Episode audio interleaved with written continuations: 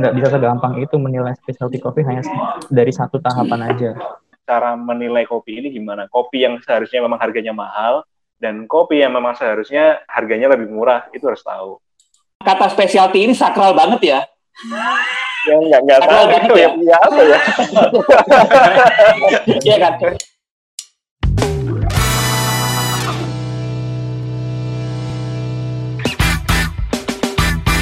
Halo, selamat malam teman-teman semua. Monggo, kita mulai ngobrolnya. Ada tiga alasan kenapa kita perlu membahas tentang branding. Yang mahal tuh idenya. Kalau gearnya murah tuh nggak masalah sebenarnya yang mahal tuh ide. supaya akhirnya mau tetap survive artinya dia akan berkarya sebesar-besarnya tapi membaca situasi, potensi, membaca momen dan lain-lain. gitu untuk melakukan itu yakin ya saya yakin feedback dari rekan-rekan juga pasti akan Sehati sama Mas Dery, saya sehati banget. Pokoknya I love you Mas Dery. love you too mas bye Rumah baru damang. tak rasa mati suri ya Surabaya ya nggak tahu kreativitasnya mampet atau gimana Nggak jualan kopi dia. iya mas gitu itu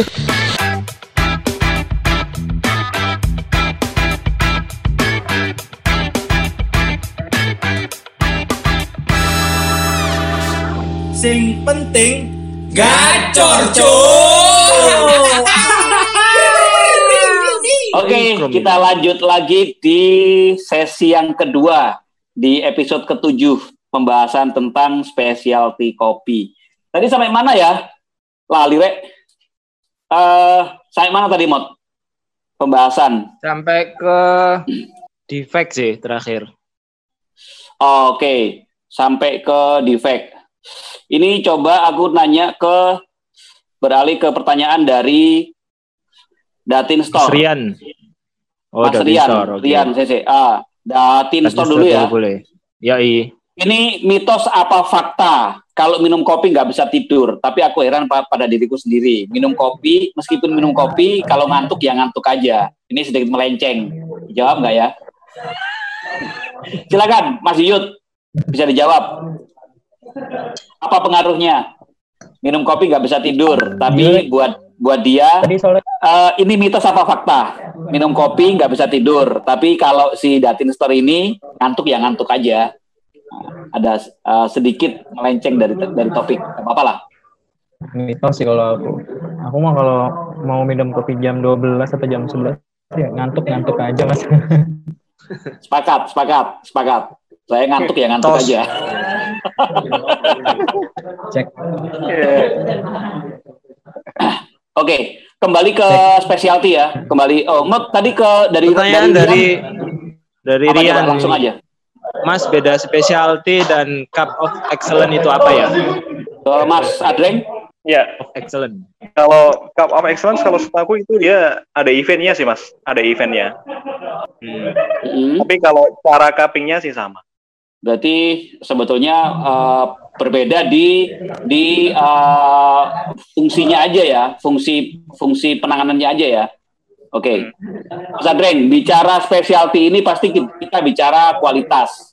Tadi kalau saya menyimpulkan eh specialty itu penting atau nggak penting atau nggak penting, tetap eh, secara penggunaan juga penting. Tapi kita kembali ke kualitas. Nah, kalau kualitas bagus, otomatis mau dibilang specialty atau enggak, ini eh, dengan dilakukan tes pasti akan akan mendekati ke sana. Nah, untuk meningkatkan kualitas, untuk meningkatkan kualitas di hulu eh, dan menciptakan motivasi eh, buat teman-teman di hulu, kira-kira eh, bagaimana supaya apa namanya teman-teman di hulu ini semakin berlomba-lomba atau mungkin juga perlu dilakukan satu lomba di hulu gitu deh. Mhm. Gimana Mas, Mas Adreng? Nah itu kalau kalau dengan adanya perlombaan sih itu memancing kita untuk semakin tertantang untuk bikin kopi enak gitu mas. Oke. Tergantung apa yang dilombakan. Kalau lombanya barista ya orang akan berusaha untuk nyeduh kopi enak kan gitu kan. Nah ini gimana kalau perlombaannya itu hasil kebun atau hasil proses itu yang, di- yang dilombakan. Harapannya kan dengan seperti itu bisa me- memacu semangat mereka yang memang di hulu itu untuk memproduksi kopi seenak mungkin. seberkualitas mungkin. Tapi kan sudah sering banyak dilakukan mas kompetisi kopi ya dengan dengan mengirimkan biji kopi dari petani-petani kopi itu kan sudah sering. Sama seperti itu atau atau berbeda? Sebenarnya bisa sama dulu sih. Maksudnya kalau kalau aku aku pribadi ya, eh, perlombaan itu yang yang yang Mas sebutin tadi itu itu kayaknya masih terbatas beberapa ini aja yang ngadain beberapa apa, perusahaan atau apa itu yang ngadain. Nah kurang kurang Hmm. masif. Nah sekarang bandingin nih kayak lomba Prodon manual brewing di mana-mana kan kayaknya. Iya. Nah, ini momen sebenarnya gimana kalau misalkan me- me- mengangkat perlombaan itu untuk oh, apa namanya green bean atau hasil hasil dari hulu. Oke, saya ke Mas Yud nih. Eh, saya suka dari jawaban Mas Yud. Jawabannya selalu teori eh, lebih banyak pengetahuan hal baru yang saya tangkap. Nah, dengan kondisi seperti ini, eh, di mana eh, stok kopi dari luar ataupun kopi Indonesia juga eh, supli suplinya juga sering tersendat, memungkinkan nggak seandainya seandainya lomba kopi di hulu itu eh, masih dijalankan, memungkinkan nggak kita bisa menyalip di tikungan? Kalau saya meminjam istilahnya Pak Mardigu. Oke, eh, menurutku sebenarnya eh, gini ya, ada kok sebenarnya wadah untuk istilahnya itu pameran lah ya, eh, untuk beberapa petani di mana mereka memajangkan hasil hasil green bean mereka. Itu waktu itu ada di acara Jakarta Coffee Week. Aku lupa Hmm. tahun 2018 apa 2019 itu mereka si Jakarta Coffee Week ini bikin acara namanya Skopi. Skopi ini eh, istilahnya adalah gampangannya para petani itu ya ya kayak pameran, pameran dalam arti pameran green bean-nya. Dari situ nanti beberapa orang akan melihat eh, di situ bisa menghubungkan antara penjual dan pembeli juga. Namun juga ada eh, sistem penilaian. Tapi di dalam eh, ini sih di cukupannya sih Jakarta Coffee Week itu gitu. Kalau nggak salah dulu tuh sempat ada pemenangnya dari yang eh, Kerinci. Pak siapa? Lupa aku mungkin mungkin Mas Hadreng bisa bantu jawab. Lupa aku namanya. Itu sudah ada sebenarnya wadah seperti itu. Sehingga menurutku eh, yang namanya apa ya ketersendatan supply itu sebenarnya eh, mungkin nggak seperti itu ya. Tetap akan ada supply-nya. Karena dari acara Skopi itu sudah membuktikan bahwa beberapa petani di Indonesia itu juga sudah sadar dengan kualitas eh, green bean-nya gitu. Hmm. dan memang akan ujungnya akan meningkatkan penjualan green bean-nya sendiri. Terbukti bahwa akhirnya banyak banget yang pakai kerinci setelah itu banyak banget yang jualan uh, manual brew kerinci kerinci kerinci. Dengan label bahwa ini pernah menang di Skopi punyanya petani siapa nah, itu seperti itu mas. Ya itu saya aku. saya pernah saya pernah mendengar, tapi menurutku kurang kurang masif. Untuk ukuran Indonesia yang seluas ini dan se apa se seberagam ini itu nggak menarik kalau eh, beberapa kota saja yang membuat itu. Nah eh, kalau semakin banyak digelar di mungkin ham- kalau bisa tiap daerah itu punya festival kopinya masing-masing dan itu eh, berbasis di hulu itu akan sangat menarik. Cuma belum tahu bagaimana caranya. Ini ada pertanyaan dari Mega 25. Kak, specialty coffee itu cenderung wet process atau dry pulp dry pulp natural? Go, ke Mas Adreng deh. Ya, nggak ada batasan ini sih prosesnya harus apa gitu nggak. Yang penting tadi itu memenuhi syarat-syarat tadi itu mas. Syarat-syarat dan kualitasnya. Oke, Mas Adreng, eh, bicara eh, bicara gini.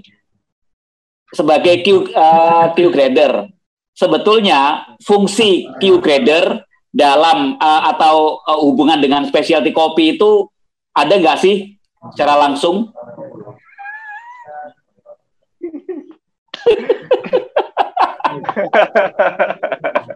Dikuyu aku rek. Iya, iya, iya. Fungsinya yang pertama ya tadi eh, kita membiasakan diri untuk eh, apa namanya me- apa ya bahasanya ya membantu teman-teman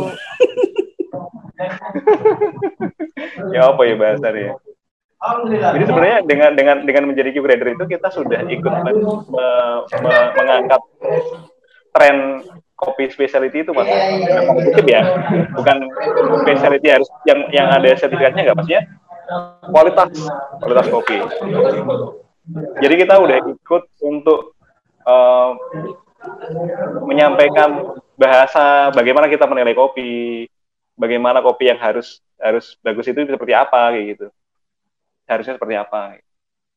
Oke, berarti secara tidak langsung eh, Q grader itu adalah corong untuk menjelaskan ke audi ke, ke masyarakat bahwa kopi A itu punya punya karakter punya kualitas dan karakteristik karakteristik seperti ini. Eh, tapi kok saya jarang mendengar seperti itu ya. Iya iya Nah. iya iya. iya. Tadi ada pertanyaan, tadi tadi ada pertanyaan, saya lupa. Eh, masih membahas Q grader. Eh, bagaimana syarat untuk menjadi seorang Q grader? Em, jadi kita ikut kelas Q-nya itu, kemudian di sana ada selama seminggu itu ada materi dan ujian. Ujiannya seingatku ada 19 19 eh, soal. Mulai dari eh, stand, eh, cupping, cupping itu ada empat empat kopi, empat macam kopi. Kemudian ada triangle itu empat juga. Kemudian ada threshold, manis, asam, asin. Kemudian kita mengidentifikasi asam, jadi ada uh, fosforik, citric, malic, dan asetik. Kemudian ada general knowledge, terus uh, olfactory. Olfactory ada Mhm. empat, A, B, C, D, dan D. Apa lagi ya? Itu sih mas, jadi itu harus lolos semua. Oke. semua. Hmm. Nah, eh, bayar berapa, Mas?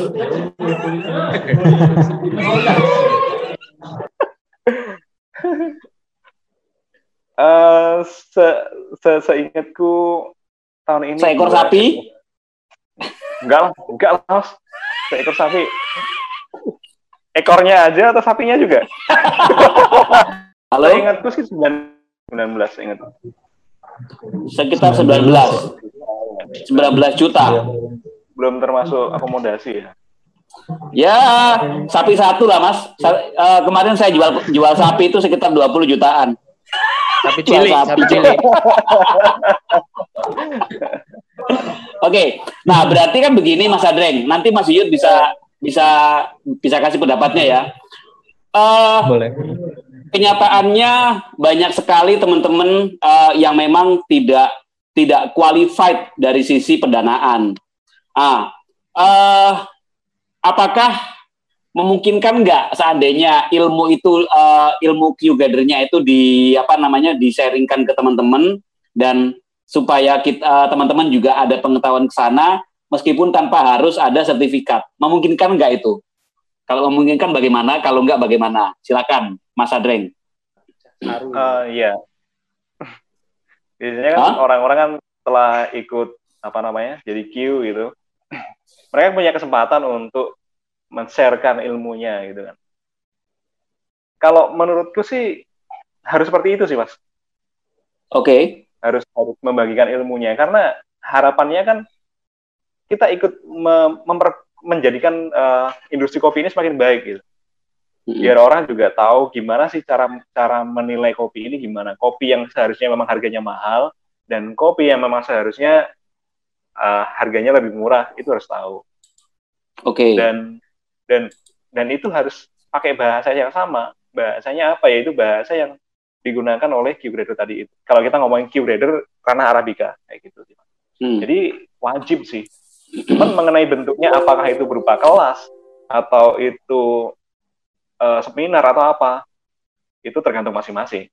Mungkin ada yang bikin kelas Oh, Oke. bikin kelas eh, kalian maksudnya yang yang, yang ikut eh, bayar dan dan bagaimana. Eh, itu sesuai dengan masing-masing orang sih Oke, kalau Mas Yuyut bagaimana Mas pendapatnya? Oke, eh, aku setuju. Memang itu harus dibagikan ya. tapi dalam arti sebagai pengantar karena uh, pasti akan ada beberapa orang yang awam untuk uh, apa pengetahuan sebagai untuk menjalani Q grader ya. Dengan itu uh, biasanya mereka akan muncul rasa keingintahuan dan uh, mencoba. Jadi sebelum kita ambil Q grader itu kan ada juga beberapa lembaga tuh yang bikin kelas pre Q, pre Q grader.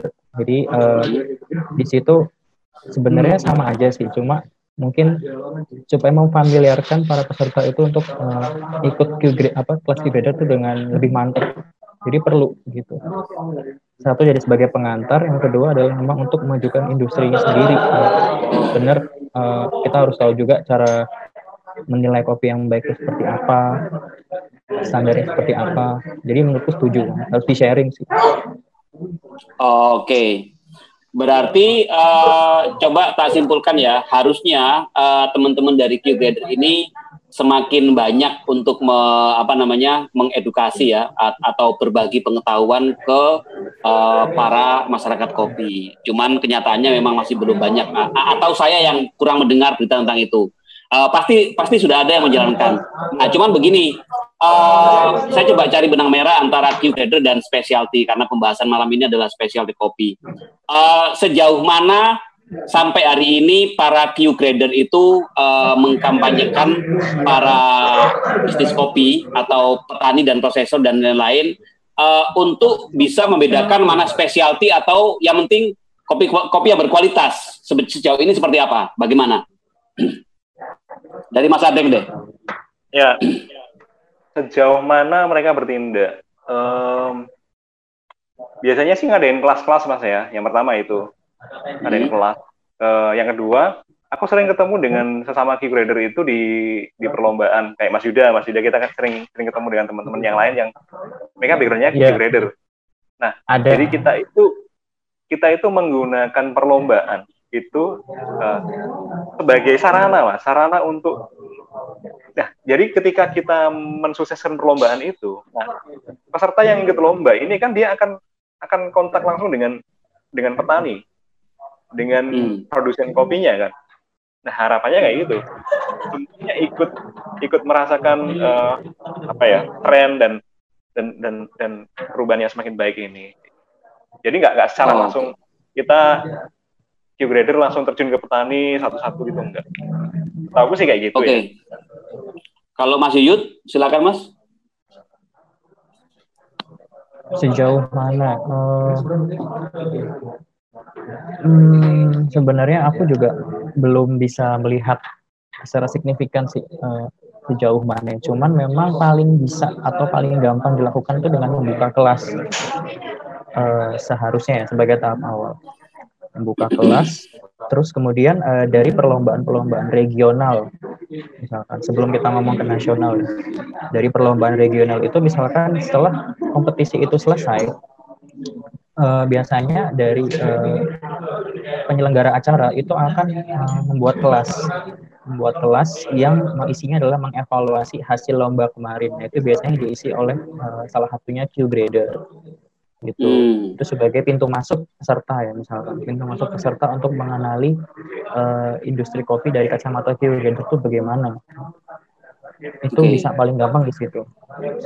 Okay. Nah, uh, ini saya pernah tahun kemarin, tahun kemarin itu kalau nggak salah ada teman petani yang yang cukup dekat sama saya di kebun nongko jajar itu ikut lomba di dae di mana itu? Di Pandaan ya Pandaan. Uh, festival kopi apa itu? Saya lupa. Uh, di daerah Leduk itu. Uh, kemudian dapat uh, tiga besar itu dapat uh, dapat fasilitas untuk scoring kopi uh, dengan kategori specialty yang dilakukan oleh Puslit Koka. Gak apa-apa ya uh, menyebut nama karena ini juga kelembagaan resmi. Uh, itu akhirnya dikeluarkanlah skor dengan nilai di atas 80. Nah, uh, pertanyaannya, uh, bisa nggak kita atau para Q grader dan teman-teman kopi di hilir itu untuk melakukan hal yang sama, melakukan scoring dari teman-teman petani dan itu kemudian kita berikan ke mereka untuk fasilitas atau bahwa pengakuan dari pasar uh, karena kan di hilir uh, bilang aja kita pasar ya pasar dari yang ada di hulu uh, supaya secara kualitas dan uh, pengakuan dari pelaku yang profesional itu memberikan memberikan hal positif buat mereka. Memungkinkan nggak seperti itu? Ke Mas Adreng. Mungkin sih mas, mungkin. Mungkin. Ya mungkin aja. Jadi kita membantu untuk menilai kopinya. Cuman mungkin bukan sebagai jadi bukan bukan di label specialty gitu, tapi kita bisa pakai nama lain atau sekedar kasih nilai. Oke. Berarti tetap tidak eh, tetap eh, nama spesial berarti nam kata specialty ini sakral banget ya. Ya enggak enggak Sakral tahu ya. ya apa ya. Iya kan? Kalau dari penjelasan di awal, kalau dari penjelasan di awal bahwa kopi yang diproses secara khusus baik eh, dan bisa di tracing eh, di mulai dari identitas, var- varietas, proses dan lain-lain sampai di hulu ini bisa kita pertanggungjawabkan dan punya skor yang bagus. Nah, pertanyaannya eh, berarti kalau seorang Q grader atau orang yang kita anggap profesional di bidangnya dengan sertifikat khusus eh, tidak boleh melakukan atau tidak boleh menyebut nah, ini sebagai kopi specialty. Nah, ini kan sakral gitu kan. Nah, ba- bagaimana Mas Yuyut seperti ini menyikapinya? Atau ke- kalau menurut kita kurang pas, kenapa nggak kita nggak kita kita buat apa namanya kita cari pengetahuannya dan kita membangun sendiri? Bagaimana Mas Yuyut? Iya, iya kalau menurutku nggak bisa segampang itu sih. Karena specialty coffee kan emang harus butuh proses yang panjang kan. Kalau misalkan kita bypass gitu ya, uh, alur ser- alur standarisasinya, bypass dengan cara kita hanya cupping aja. Nah kita kan nggak tahu uh, ke belakang misalkan dia kan mungkin nggak ngelihat seperti apa gradingnya gitu, hanya berdasarkan cupping aja. Terus kemudian kalau sampai dia berani melabeli specialty coffee dan kalau itu sampai ke tangan roaster akhirnya nggak survive gitu seperti kata aku tadi survival itu itu malah eh, jadi bumerang harusnya apa ya blunder banget nggak nggak bisa segampang itu menilai specialty coffee hanya dari satu tahapan aja jadi I see, I harus see, I see. Harus eh, apa ya, istilahnya harus panjang mata rantainya Harus Mungkin melewati sele- eh, proses yang ketat lah ya. iya. Oke oke. Sepakat. Eh, boleh boleh boleh. Bisa diterima oleh oleh nalar sehat. Kita sapa dulu para teman-teman. Banyak sekali. Ini ada Hardian Wicaksono yang dikatakan kopi gak enak itu yang bagaimana ya? Eh, rasano dewe. Pokoknya rasanya ngeliatmu gak enak ya gak enak. Iya kan? Eh, jadi nggak perlu di nggak perlu diperpanjang lebar dan nggak perlu diperdebatkan. Dari Ram Ramtul, saya punya green bean sudah roasting, rasanya cuma itu pahit pahit di mulut ketika masuk tenggorokan. Kayak tidak ada kayak tidak ada rasa pahitnya, bagus atau tidak. Iki maksudnya piye iki? ah, eh, tak singkat aja, selama itu terasa enak di mulut dan lidah dan enak di tenggorokan, ya itu anggap aja enak begitu ya. Tapi kembali ke lidahnya Pak Ram Mas Ramtul. Nah, ini dari Cueai 7. Bagaimana membuat kopi Indonesia menjadi tuan rumah memenuhi pasar dalam negeri sendiri sehingga tidak perlu impor kopi dari negara lain. Nah, oke, impor, impor kita nggak perlu takut selama kita punya kualitas. Monggo, pa- para narasumber ke Mas Adeng dulu deh, boleh. Eh, kalau memenuhi kuantitas mungkin nggak ya? Kayaknya kok agak susah ya kalau kalau kita kalau kita ngomongin kuantitas ya. Maksudnya yang eh, low grade. Ya kita kita ya ya ngomong ada padanya lah. Kita nggak misalkan ngomongin kopi iya. low grade kuantitas ya bisa jadi bisa jadi kurang sih cuman gini sekarang pertanyaannya gini, kalau kita mem- mem- memburu kuantitas, apakah kita akan akan merusak alam gitu, Mas? Oke. Nah, kita kita bisa lihat nih, kalau bisa lihat kalau teman-teman eh, di Instagram mungkin bisa coba lihat eh, eh, apa namanya Instagram Instagramnya farmer dari Brasil gitu. Itu bagaimana mereka bikin perkebunan tanpa ada naungan. ya. Hmm. Jadi semuanya pohon ditebang, dibikin kebun kayak teh gitu. Jadi itu itu kopi. Dan a- aku melihatnya kok justru mere- mereka memburu kuantitas. Nah, kalau pertanyaan eh, sorry, tak potong. Untuk soal eh, apa namanya, apakah itu merusak lahan apa enggak, itu kembali ke kearifan kita ya. Tapi kenyataannya eh, kopi itu banyak di, eh, di Indonesia sudah mulai dilakukan kopi untuk konservasi karena karakter akarnya yang karakter akar kopinya yang panjang dan itu bisa menahan menahan tanah sehingga laju erosi bisa bisa tertahan dan ini justru bagus. Ah, gitu sih. Ya, benar. Cuman ketika tanpa ada pohon penaung, maka mereka eh, maka akan menghasilkan kopi secara kuantitas. Matangnya Oke. cepat, kemudian eh, cuman dari dari kualitasnya yang nggak bisa dipungkiri sih dia akan lebih rendah. Oke. Apakah Indonesia mampu? Ya mampu, kita tidak mampu. Tapi pertaruhannya apakah kita akan merusak alam seperti itu? Sedangkan kalau kita ngomongin kualitas, sebenarnya kita sudah sudah ikut konservasi alam dengan adanya pohon penaung, kemudian eh, menanam kopi di apa namanya hutan, hutan maksudnya kita tetap menjaga alamnya kayak gitu. Itu sebenarnya Hmm. kita ikut mengkonservasi alam, memperbaiki Oke. alam kita. Eh, Jadi- nanti tak undang pakar pertanian supaya supaya bisa menjelaskan ini deh. benar benar benar mas jadi eh, kemarin yang yang yang yang aku tahu itu ya itu jadi kalau kita mensupport eh, tren kopi ini lebih ke berkualitas jadi sebenarnya kita juga ikut memperbaiki alam kita dengan membudayakan kopi-kopi yang ditanam di eh, di bawah pohon penaung karena kita butuh microclimate untuk menciptakan kualitas itu Oke, sepakat. Mas Yuyut, sehingga kita tidak perlu impor kopi dari negara lain. Bagaimana me- mengakalinya? Atau pendapat Mas Yuyut soal memenuhi memenuhi kebutuhan dalam negeri dan soal impor.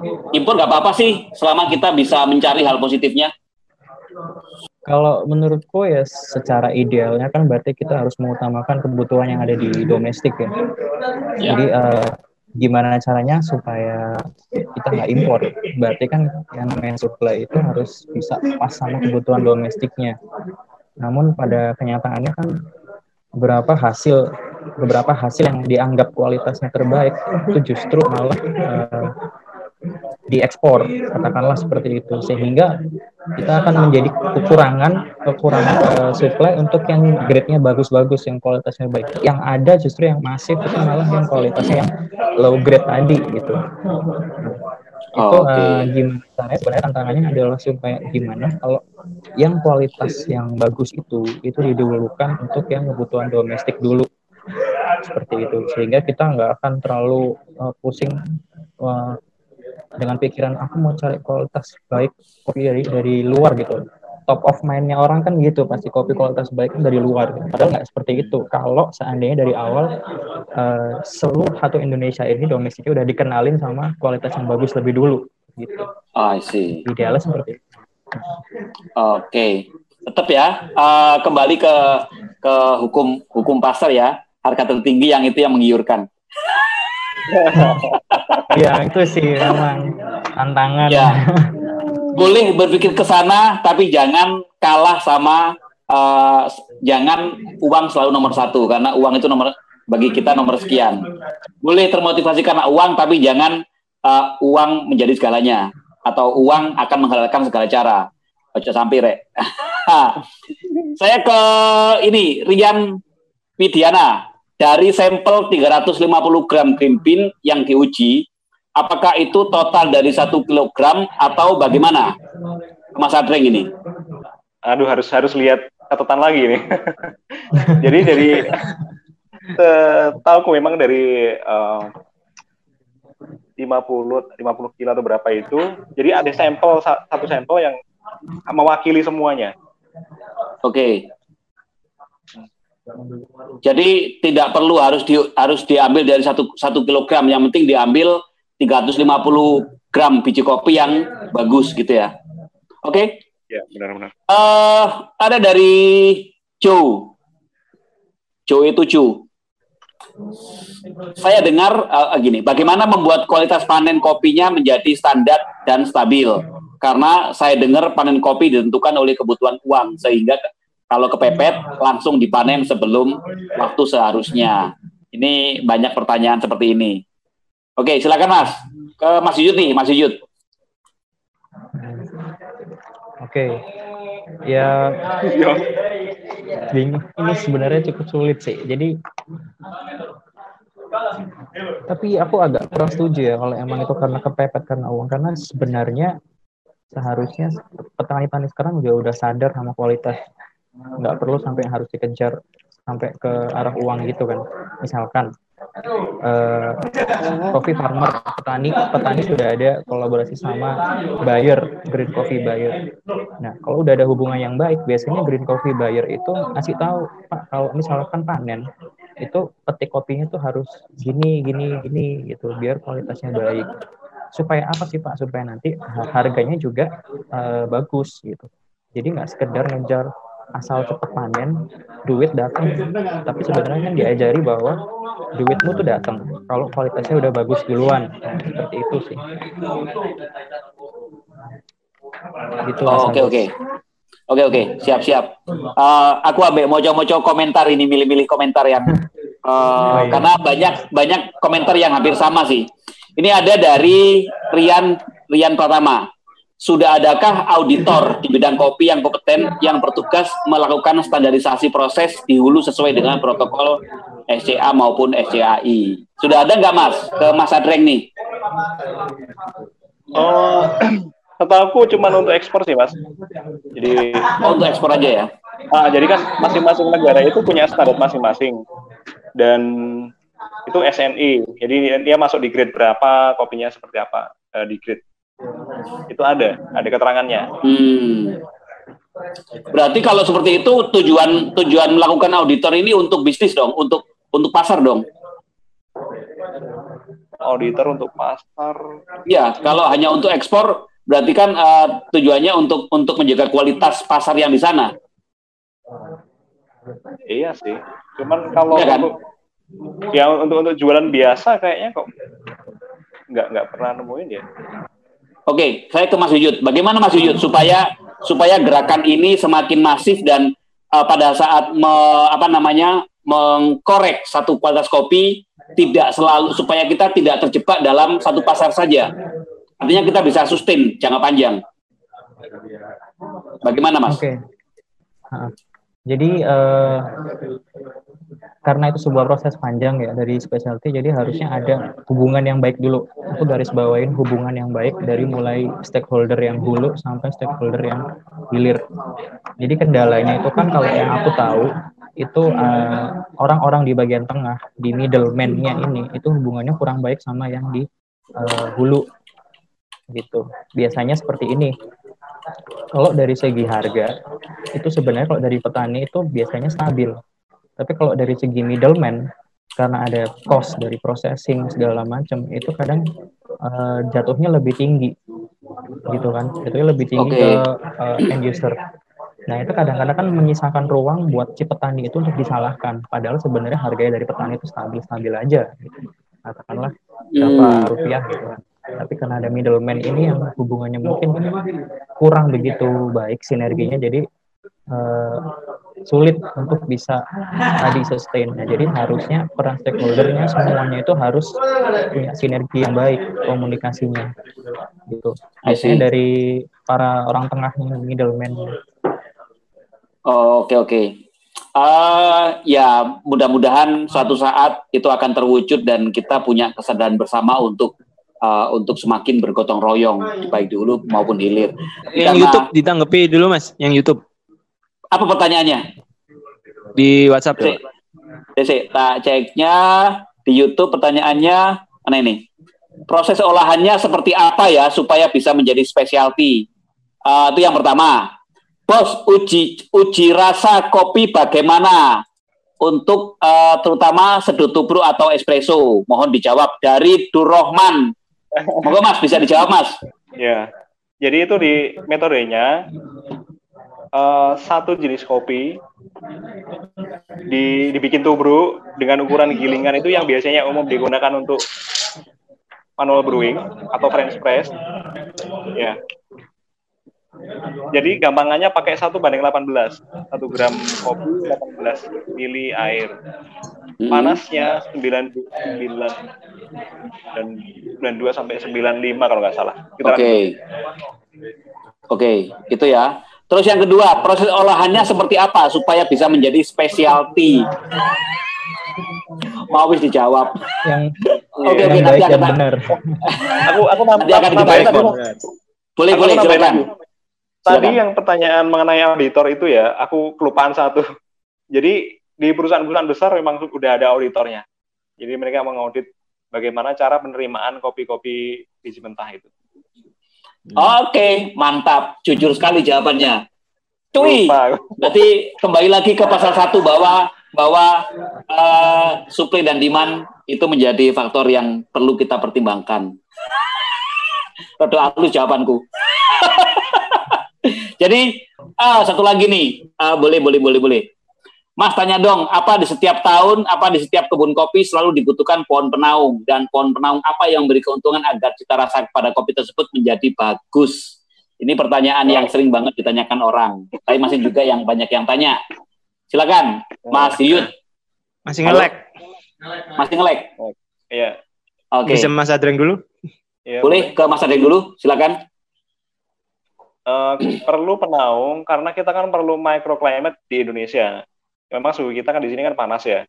Nah, kenapa microclimate? Karena kita pengen eh, membuat kopi itu matang lama. Jadi densitasnya biar semakin tinggi. Kalau densitas Hmm. tinggi, dia punya potensi lebih bi- lebih banyak, lebih kompleks dan lebih mudah di di, di, di apa namanya dipermainkan di roastingnya. Terus kalau Oh, oke. macam pohon, kalau macam pohonnya sebisa mungkin yang mensupport pohon kopi. Contoh kayak misalkan pohon lamtoro, eh, kacang-kacangan kayak gitu. Kalau misalkan ada ada cover crop bisa pakai kayak legum karena dia juga menyumbang nitrogen untuk tanah. Sengon, sengon bagus nggak? Tengon kurang tahu mas aku mas aku cuma masih dikit Kalau- juga aku tahunya itu Kalau sengon, kalau dari perspektif pertanian itu bagus karena katanya ya, Ah, saya iya. baca seperti itu. Karena akar akarnya pohon sengon itu mampu memberikan nutrisi or, nutrisi organik buat tanah. Jadi eh, karena karakter tanahnya. Nah, ini ada Mas Amrul. Wah, Satria Tekorek. Jawab Mas, jawab. Jawab apa? Wis dijawab, Pak. Aku dengerin. Iya, sama. ya, ya. Eh, kalau dari Mas Yuyut, bagaimana Mas? Tadi sempat disconnect mas, jadi Oh, disconnect. Boleh diulang. Eh, di setiap kebun kopi selalu dibutuhkan pohon penaung. Eh, apa pohon pohon penaung apa yang itu bisa memberikan keuntungan baik dari segi cita rasa maupun eh, apa namanya eh, hal positif di kebun itu sendiri. Pohon penaung ya. Sejujurnya aku sebenarnya kurang kompeten buat jawab ini karena jarang Oke. banget aku ke hulu. iya sih, tapi Tanaman tapi sebenarnya jari lima bagus katanya Mas Amrul. Jari lima, tanaman jari lima. oh iya Pepaya, pepaya maksudnya. Daun singkong men, daun singkong, tapi kurang kurang kecil. oh iya iya benar Oke oke lah. Jadi sekali lagi mohon maaf teman-teman karena ini bateraiku tinggal berapa persen? Tinggal 7 persen. Jadi Ada ini eh, satu pertanyaan lagi loh dari Mas itu? Joy 7 itu. Kenapa ya takaran bubuk kopi yang saya konsumsi di satu merek itu bertambah dari waktu ke waktu? Saya konsumsi untuk aktivitas kerja supaya tetap melek tahan kantuk. oh Oh, kenapa mas? Kenapa mas? Ayo, mas, mas Yuyut nih, mas Yuyut. Jadi kalau dari segi ilmiahnya itu kan ada tubuh tuh ada jam-jam tertentu ya, yang di mana dia itu normalnya butuh sama emang eh, sudah terbiasa dengan jumlah kafein atau sorry jumlah kortisol atau hormon stres yang dalam tubuh ya. Di jam-jam tertentu itu biasanya memang hormon kortisol ini turun sehingga biasanya kalau kita minum kopi di situ eh, justru akan meningkatkan level kewaspadaan. Nah kalau kita keseringan minum di jam-jam yang kita terlalu banyak hormonnya otomatis tubuh akan menyesuaikan. Dia butuh lebih banyak asupan gitu. Paling gampang seperti ini. Uh, biasanya ya teorinya itu jam 10 jam 10 pagi itu mulainya tuh hormonnya turun. Sehingga kita kadang ngantuk lemes gitu. Atau sore jam 3 jam 4 itu lemes.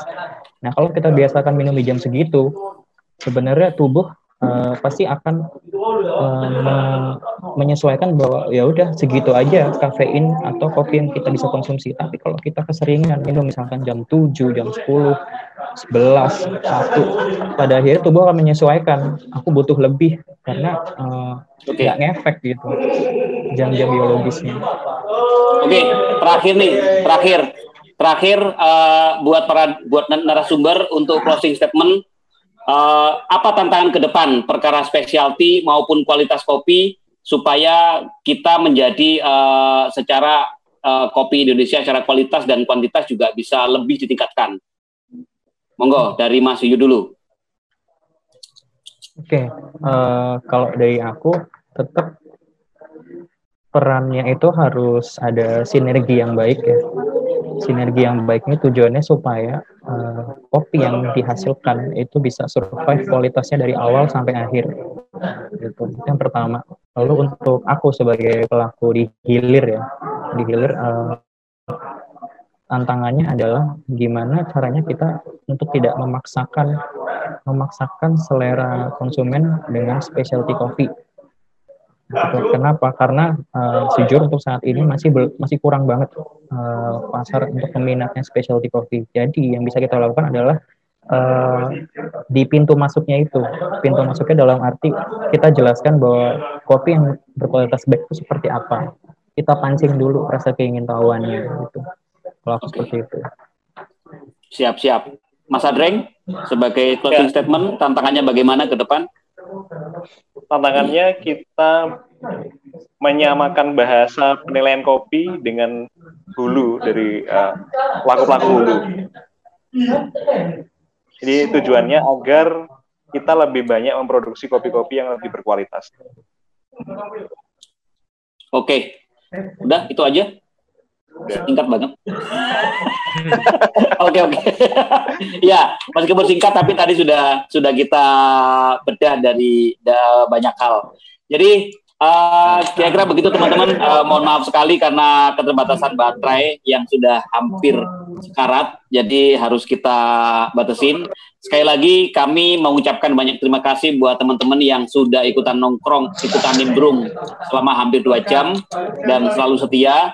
Uh, mudah-mudahan apa yang kita bahas hari ini itu bisa memberikan satu wawasan dan akan bisa apa namanya uh, berkelanjutan. Ada orang yang menindaklanjuti dari apa yang kita diskusikan karena uh, bicara kopi ya pasti uh, dalam kopi ini ada sains yang itu akan selalu ber, berubah, berkembang dan akan menjadi hal baru di masa mendatang. Buat para narasumber, terima kasih Mas Adreng, Mas Yuyut, ilmunya sangat bermanfaat, sharingnya Ya, uh, banyak hari ini kita mendapatkan banyak pencerahan. Mudah-mudahan juga ini sampai ke teman-teman yang mendengarkan. Dan nanti akan kita apa namanya uh, outputnya akan kita sebar di tiga macam, satu di IG, uh, kemudian di YouTube sama di podcast. Ya, cuman yang di YouTube sama podcast masih belum kita tata secara maksimal. Dari saya, uh, kalau ada salah ataupun kurang, mohon maaf sebesar-besarnya. Dan kata Mas Hari, terima kasih selalu gila. Uh, kita jadi gila karena emang di Surabaya sebetulnya banyak orang gila, cuma tidak berani menunjukkan kegilaannya. yeah. Oke, okay, dari saya sekian seperti itu. Uh, waktu saya kembalikan lagi ke Mod selaku host di acara ini. Silakan Mod. Assalamualaikum. Ya, Waalaikumsalam. Terima kasih Mas Agus, moderator buat semua narasumber. Terima kasih waktu dan ilmunya di sharing-sharing kali ini. Oh ya, buat teman-teman juga masih ada lumayan banyak yang bertahan. Nah, ini untuk giveaway-nya kesempatan ini yang terakhir-terakhir ini yang komen-komen terakhir ini bakal dapat kesempatan lebih untuk dapat giveaway ya. Nang komen rek, nang komen, nang komen, nang komen. Giveaway-nya ada kopi dari Coffee Talk, ada kopi dari kawan seduh drip bag, hanya ada lima drip bag dari kawan kopi, eh kawan seduh nanti itu bakal kita bagi-bagikan. Pengumumannya mungkin besok atau sehari dua hari lagi nanti bakalan kita undi ya. Karena sing komen, uh, karena sing gelem kopi ya hari gitu. Ya, Mas uh, Yud. Jadi uh, yang satu itu satu paket satu pieces. Satu jadi pieces. Isinya lima. Isi lima ya. Iya. Uh. Siap. Ah, Nanti betul, bisa betul. buat teman-teman sini. Nanti ada dari Coffee Talk juga ada, dari Mas Adring belum ada. Mungkin next Oh, Mas iya. Adring bisa ngasih.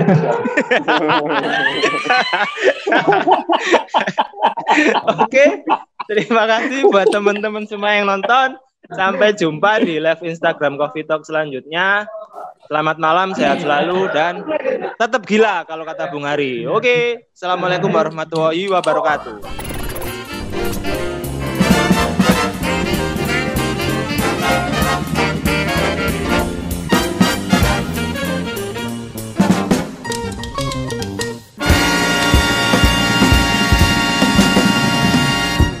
Sing penting gacor, cuk.